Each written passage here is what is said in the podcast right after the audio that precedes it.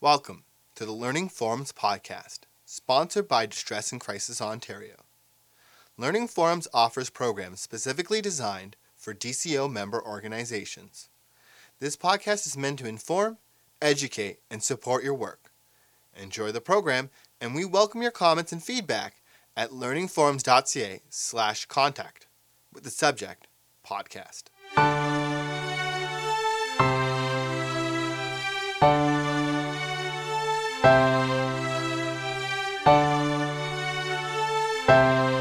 Hi, my name is Irene Gabinet, and I work as a clinical counselor at St. Joseph's Hospital in the Women's Health Center. Today's presentation, I will be focusing primarily on abuse in intimate relationships. I'm going to move on to um, sort of continuing to expand sort of the understanding of the dynamics. There's something called the cycle of violence. Has anybody ever heard of that term, cycle of violence? Yeah, some of you are nodding, yeah. Um, and this is a, a, theory that came up years and years ago, I guess, when the, when the movement around uh, supporting women who are in abusive relationships. And basically, what it is is um, the fact that abusive relationships do go through stages. Okay, and just like any relationship, when if you can think back, if you're in a relationship, think back to the early stages. You know, we call the honeymoon stage, right? Life is wonderful. You see the world through rose-colored glasses, and everything's exciting. Abusive relationships start that way too. But for me, they start with an extra edge of honeymoon, what I call honeymoon, meaning that there's much more um, calling to the woman, checking up on her, um, diving into the relationship too fast, too soon. So after three dates, I want to marry you. After five dates, let's move in together. Um, and that to me is a sign already that things are happening too fast. So, however, you know, when you're falling in love, we often don't see those things. Our radar is, is disconnected, as I call. It's not until later that maybe our radar starts to be reconnected. So, in that relationship, in an abusive relationship, there's that sort of beginning honeymoon stage, but then things start, tension starts to build up. And again, fairly quickly. Um, often, you know, within the first few months, when I, I always ask women, so when did the abuse start? Right away. And they've done enough reflection to realize that maybe on the fourth or fifth date, he said something derogatory to her. And she kind of went, hmm, that's weird, and kind of brushed it off as maybe he's just having a bad day, and kind of, you know, swept it under the carpet. But when we start to examine it and unpack it, it really started right from the beginning. But again, her radar was disconnected. So, but then the tension starts to build, and eventually there's some kind of what I call what we call an explosive situation, whether it's physical violence or um, a heightened sort of um, level of the emotional or psychological abuse. Right? It sort of escalates. And so that could be uh, yelling and screaming, throwing pots and pans across the kitchen, um, waking the woman up at three in the morning and demanding to know where she was all day. It, it can sort of um, materialize in lots of different ways. However, as time goes on, uh, so then after that episode, it goes, it goes back to the so-called honeymoon phase. So he becomes apologetic. I'm so sorry. I didn't mean it. I was really tired. You know, my boss is angry at me, so I took it out on you. Like all the excuses come out. And at the beginning, the woman, you know, will say, okay, I, I, I accept that. I believe you, and I really love you, and I don't want our relationship to, you know, go bad. And so there's sort of a dynamic already being created between the two of them. His response and her response starts to sort of be generated. And they play in that same dynamic as the relationship continues. What happens is eventually the honeymoon stage gets shorter and shorter and shorter, less and less um, sincere, and eventually can disappear. And the explosive stage gets usually. Um, uh, larger in terms of, of the uh, intensity, closer together, the frequency, the, um, it becomes uh, more severe. So that piece actually gets bigger in the honeymoon phase. The heart, which I have for the honeymoon stage, shrinks and the explosion actually gets larger and the tension building pretty much remains the same. Women will tell me that they often live between the tension building and the explosion and that there isn't a honeymoon stage anymore. So, and the reason why I'm raising this is because depending on where you get a woman in the call, right? She may just be coming off the honeymoon stage. She might be just after the explosion and hasn't entered the honeymoon stage. So that may determine how she talks to you. So sometimes women will really minimize the abuse when she's um, in the honeymoon stage or just come out of the honeymoon stage. Uh, and that will impact as well how we hear it. So if a woman says, well, it's not really that bad, and she really kind of downplays what's been happening, then we may in our mind say, well, yeah, it doesn't sound so bad, right? So just something to keep in mind that the cycle of violence, and I tell women about the cycle of violence and I show them the handout that I have for you, and women completely identify with it. And I know that you're on the phone and you won't be able to visually show her a hand, uh, you know, the cycle of violence, but you can, just as I've explained it, you can also explain it as well. And she might identify with that, and it can be really quite a relief to her. Sort of just as a segue when, you know, talking to women who call, um, things that you might kind of hear from her. And um, part of my work is we do intake calls. So we get all the calls from women from the community who are calling about counseling at the center for any, for any of the issues that they're dealing with. So I'm kind of drawing these from my own experience of what I hear from women when they call intake. Women don't necessarily call and say, Hi, my name is Brenda and I'm in an abusive relationship. It's rare that you get that kind of a disclosure. So I want to share with you some of the common things that you might hear from a woman when she calls who's in an abusive relationship, but you don't know that yet, right? You're just kind of getting that initial sort of chatter. Um, so one of the things, um, you know, after introducing herself and however, you know, tell me what's, you know, how can I help you, that kind of intro, um, she might be talking about her relationship and just saying things like, um, you know, I love my husband, um, but I'm so confused, I don't know what to do anymore. So she might be referring to the fact that, you know, things are kind of not so great, right? Things aren't great in my relationship, but I still love him and I don't know what to do. So you think, well, hmm, what should I say to that? it's not a lot of information there. Um, so, you know, you could just normalize that to say, you know, it's normal to have com- confused feelings about your relationship or partner, right? Even if she hasn't disclosed abuse yet. Or if you think, after she's given you a little sort of uh, preamble of what's happening, you might think, uh oh, this sounds like abuse. Um, but even just to normalize and validate that that statement that yeah it's you know can, relationships can be confusing and sometimes we can feel really good about them and sometimes we can feel really bad about them um, now, let's say that the woman does disclose that she's being abused, and she may not even use that language. She might say that sometimes he hits me, or she might say things like, well, my husband or my boyfriend or my partner yells at me, you know, every couple of days. We, we get, you know, big yelling match. Um, but I actually don't do much yelling. I just kind of stand there and listen. And so she's disclosed this to you, and, and you sort of, you know, agreed that this relationship at the very least is really unhealthy. Um, and she might say, but you know what, the relationship isn't bad all of the time. And women say that to me all the time, that there's, again, good to the relationship and bad to the relationship. And I think, again, I don't dispute that with her. I don't say, well, an abusive relationship has to be all bad or nothing.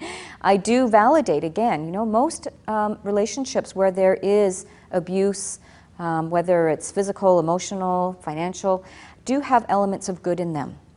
And just again, just validating. So a lot of your responses are going to be validating what she is experiencing, what she is feeling.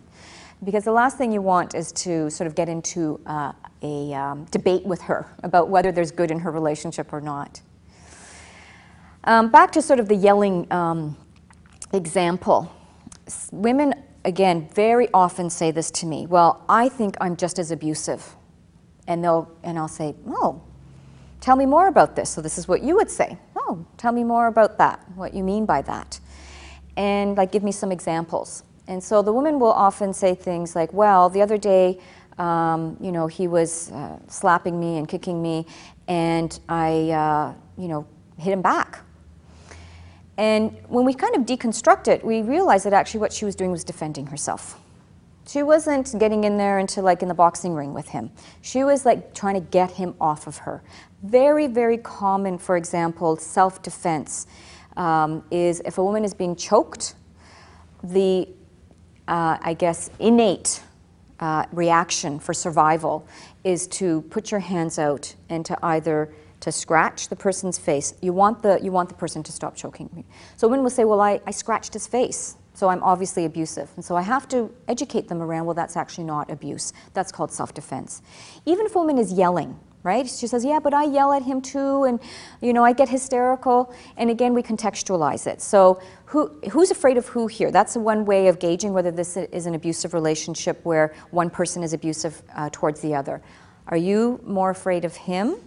Is he ever afraid of you? Sort of getting into that kind of um, dynamics. When women are in abusive relationships, they, they are very fearful. Not just fearful for their physical safety, but also fearful just to be who they are. A lot of the, the clients that I work with say, I don't know who I am anymore because I've had to change myself so much to be able to avoid the abuse, to prevent the abuse, to appease him. So they contort themselves, not, you know, not physically, but contort themselves emotionally and psychologically to be uh, whatever it is that he wants her to be. So women are afraid to be who they are.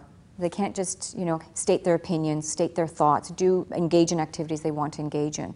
So when women say that they yell in response to the abuse, I tell them, well, you know, it's normal to get upset when you're being abused. You can't just be a stone and just sit there, even though some women do as a coping strategy, as a survival strategy. But at some point, you're going to reach a boiling point, a breaking point, where you just can't listen to someone calling you names over and over and over again and telling you how horrible you are. At some point, you are going to explode. And so, again, I just frame it as this is a coping a coping strategy in a very intolerable situation so that women can see that they are not the, as we call the primary perpetrator. If we're going to use criminal uh, justice system language, they talk about the, uh, the primary perpetrator, the person who is the one that's in- instigating or initiating uh, the violence. So again, if a woman does say, "Well, I think I'm just as abusive," explore it because I have, you know, not a lot, but I've had a couple of relationships, uh, women in my who've come to my counseling in relationships that what I would say were mutually abusive. It's rare. I think I can count like I think I've had two, and I've been working there for 15 years. So, but generally speaking, one person has more power over the other, and to frame it for her to see where the power lies in that relationship, right? As the power and control wheel, who has the power? Who has the control? Sort of again another i just wanted to go over a couple of other sort of common disclosures that you might come across. Uh, my partner and i fight all the time. You might hear that right? So again she hasn't disclosed abuse. So again telling get her to explain what she means by that. What does the fighting look like? Who starts it? How does it end? Is a big one too. What's the outcome right is it, do they both go away feeling like it's been resolved mutually for both of them and they both feel good? Or is she walking away feeling horrible about herself and feeling like she's been diminished and, you know, is, uh, her, her sense of value and sense of self has been really deteriorated. Um, women often, I mentioned earlier, will blame, blame themselves. So she might say to you on the phone, Well, you know, I must be doing something wrong. Like, tell me what I should be doing so I can make this relationship better, right? So again, blaming herself. So something that I probably have said, um, you know, thousands of times in my work over the years is that it's not your fault. If we've identified that this relationship is abusive, we've named it as such, then I, you know, am comfortable enough to tell her it's not her fault. And that's, that's the role that you can play too, is just keep reminding her it is never the fault of the person who is being abused.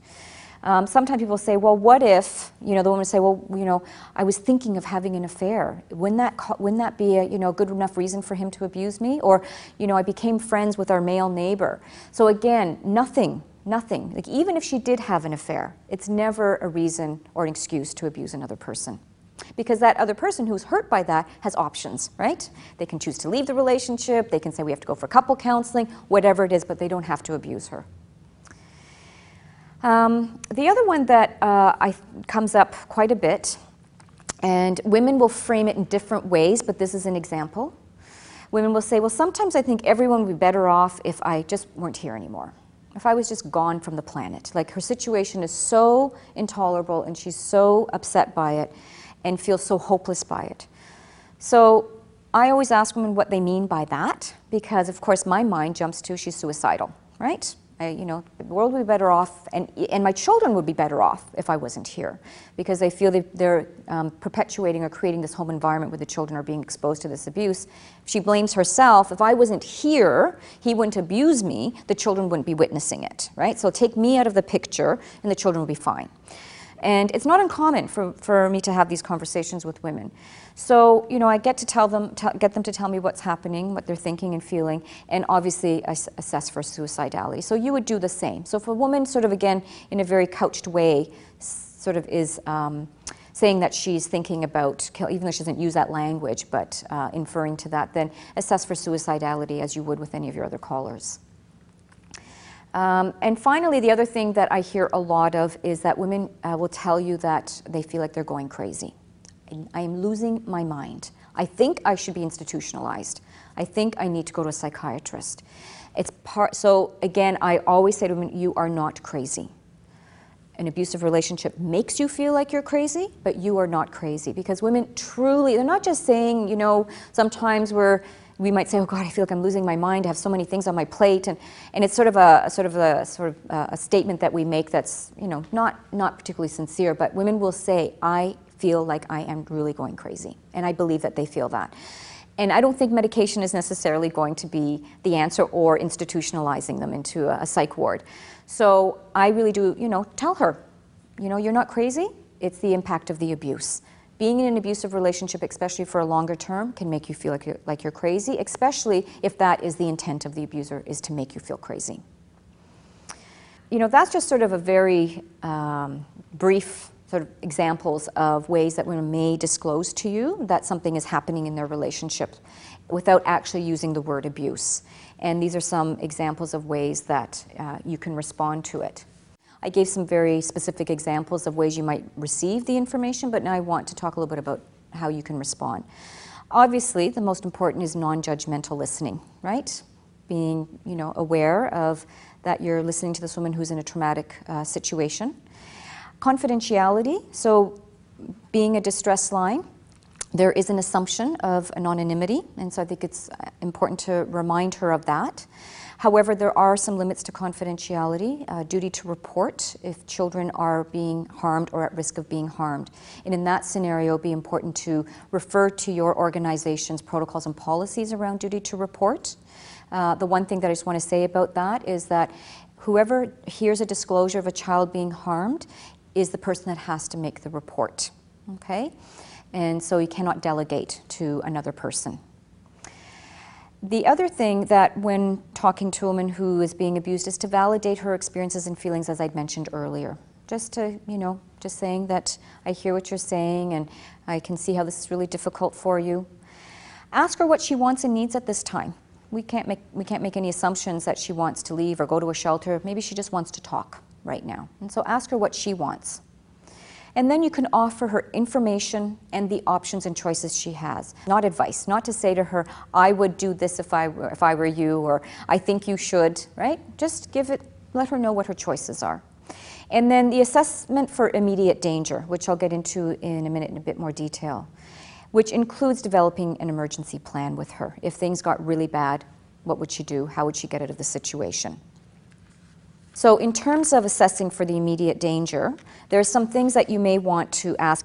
When was the most recent incident of abuse? It doesn't have to be physical assault, it can be uh, psychological, emotional abuse, could be sexual abuse. Ask her if she's ever left before and what happened. That can often be a key to finding out about uh, what kinds of resources she knows about and how she feels about the whole, I, the whole concept of leaving. And has she ever, does she know about shelters? Has she ever thought about going to a shelter or another safe place? The other part of assessing for immediate danger is assessing the children's um, exposure to the abuse. So that may just be asking where are the children during this time. Okay? And going again back to the duty to report. And then in that particular moment, you can find out where is she right now? Where is she calling you from in terms of she in her home? Is she out on the street in the community? Is he nearby? Is she expecting him to come by any moment now, come home, etc.? Where are the children? So again, her immediate safety. So if she's saying, well, he just stepped out for five minutes and he's going to be back in, then your chat with her is going to be very shortened. So then you're going to have to think about, I want to give you some resources. Given that we only have maybe five minutes, I want to give you some resources before we get off the phone. And also, it, you know, ask her what's going to happen when he comes home. Is he going to become violent, abusive? If he is, do you, you know, what's your, what's your plan? What are you going to do? Finding out if in the past, meaning, you know, this morning, whenever she, whenever it was that she called you, could be the past as in weeks ago, or could be just as recent, uh, just before she called you. Were there any threats of death or suicidality from him? And uh, finding out what her support system is. And then exploring the any risks and benefits to the strategies that you may have discussed if you have time. But telling her about going to a shelter and talk to her, what are the risks and benefits to you, right? Going to a family member's home right? Is it really a safe place or will, her, will he find her there? So there are ways to sort of assess the immediate danger and then give her some options and resources around that. One of the things that I also like to talk about, not just what, what to say, but what not to say. And um, so, for example, um, it's important not to say to her that everything's going to be okay and everything is going to work out fine because we don't know that. We can't guarantee that for anybody. I don't advise to tell women to go for couple counseling when there's abuse in the relationship because studies show that the abuse actually can escalate, puts her in greater danger if they go together as a couple, especially if the counselor doesn't realize that there is abuse happening. Okay? Um, also, we are in, in Canada, we don't have mandatory reporting of violence against adults. So we cannot call the police without her consent. However, there may be situations where you can hear there's something happening, that her life is being harmed as you are on the phone. So, again, you need to refer to your organization's protocol and policy when something like that is happening, um, you know, in terms of what your, your uh, process is. Okay? And that may be that at that point, if you hear that she's being harmed, that you may have to call the police. So, again, refer to your organization's protocol. So important not to say things like, you know, relationships are a two-way street, everybody has their ups and downs. Those kinds of things aren't helpful when you're in an abusive relationship. It just kind of minimizes the abuse as opposed to really listening to what she's saying and validating her experiences. Before we go into the resources, the one last population that I want to talk about that you might get calls from is concerned family members and friends. The principles that I just named around responding to disclosures from a woman who's being abused are pretty much the same. You listen, you validate, Ask what they've done thus far, kind of like you would ask a woman, so, you know, what have you done so far? Validate the support they've already provided, so, you know, kind of give them some accolades for what they've done. Affirm that it's a really complex situation, right? To say, yeah, I can imagine this is hard for you to have to listen to this or to witness your, you know, your, your cousin, your friend in this situation. And also provide them with resources, right? They can continue to call you, they could call the Assault Women's Helpline. They can call their local shelter to get some more information, advice. Um, and obviously, if they are witnessing a violent act, they also have the option of calling the police, right? So that's important. At this point, I actually want to talk about the resources. It's a good segue. I've mentioned many times the Assaulted Women's Helpline. It's a province wide 24 hour seven day a week crisis line that also has language line attached to it. So if a woman, English is not her first language, they can also have language line interpretation. And um, the number is in the front pages of the uh, phone book. So it's for women to know that, so you can let women know where she could find that number. For a lot of women, they can't even write down a number somewhere because it might be, you know, looked into by their abusive partner the, uh, in terms of going to a shelter, the Assault Women's Helpline knows the shelters all over the province. So if they call the shelter, I mean, call the Assault Women's Helpline, then the Assault Women's Helpline counselor can tell them where is the closest shelter to them that's for abused women. That's a good resource for that. So you can get them connected to the local shelter. If um, calling is not an option for her, and let's say she has access to the internet, there's a website www.shelternet.ca, and it's a protected website. So if she goes in, she can um, eradicate any trace of her being on that website, and it gives her shelters across Canada. And then, in other terms of other resources we talked about, she can call the police. Always give her the option. If the abuse is violent, if she's feeling threatened, she can always call the police. Every community has community legal clinics right? That they can go and get some community, uh, some legal advice from their local community legal clinic. And if um, she isn't uh, able to afford to pay for a lawyer, say around family law issues, then there's legal aid. If there have been charges laid against him, she doesn't have to hire a lawyer. The Crown Attorney takes over the case, and that's a, a, free service, obviously, within the criminal justice system. But these are some resources in all communities across the province.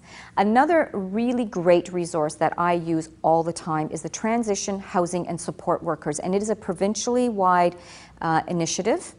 And the the transitional housing support worker helps women with also finding shelter, getting onto social assistance, legal aid applications, um, prior, getting into priority housing, which is within sub, the uh, social housing. We have a priority housing, so women who are in abusive relationships get prioritized and they get into housing faster than someone who's on the sort of the, the main list.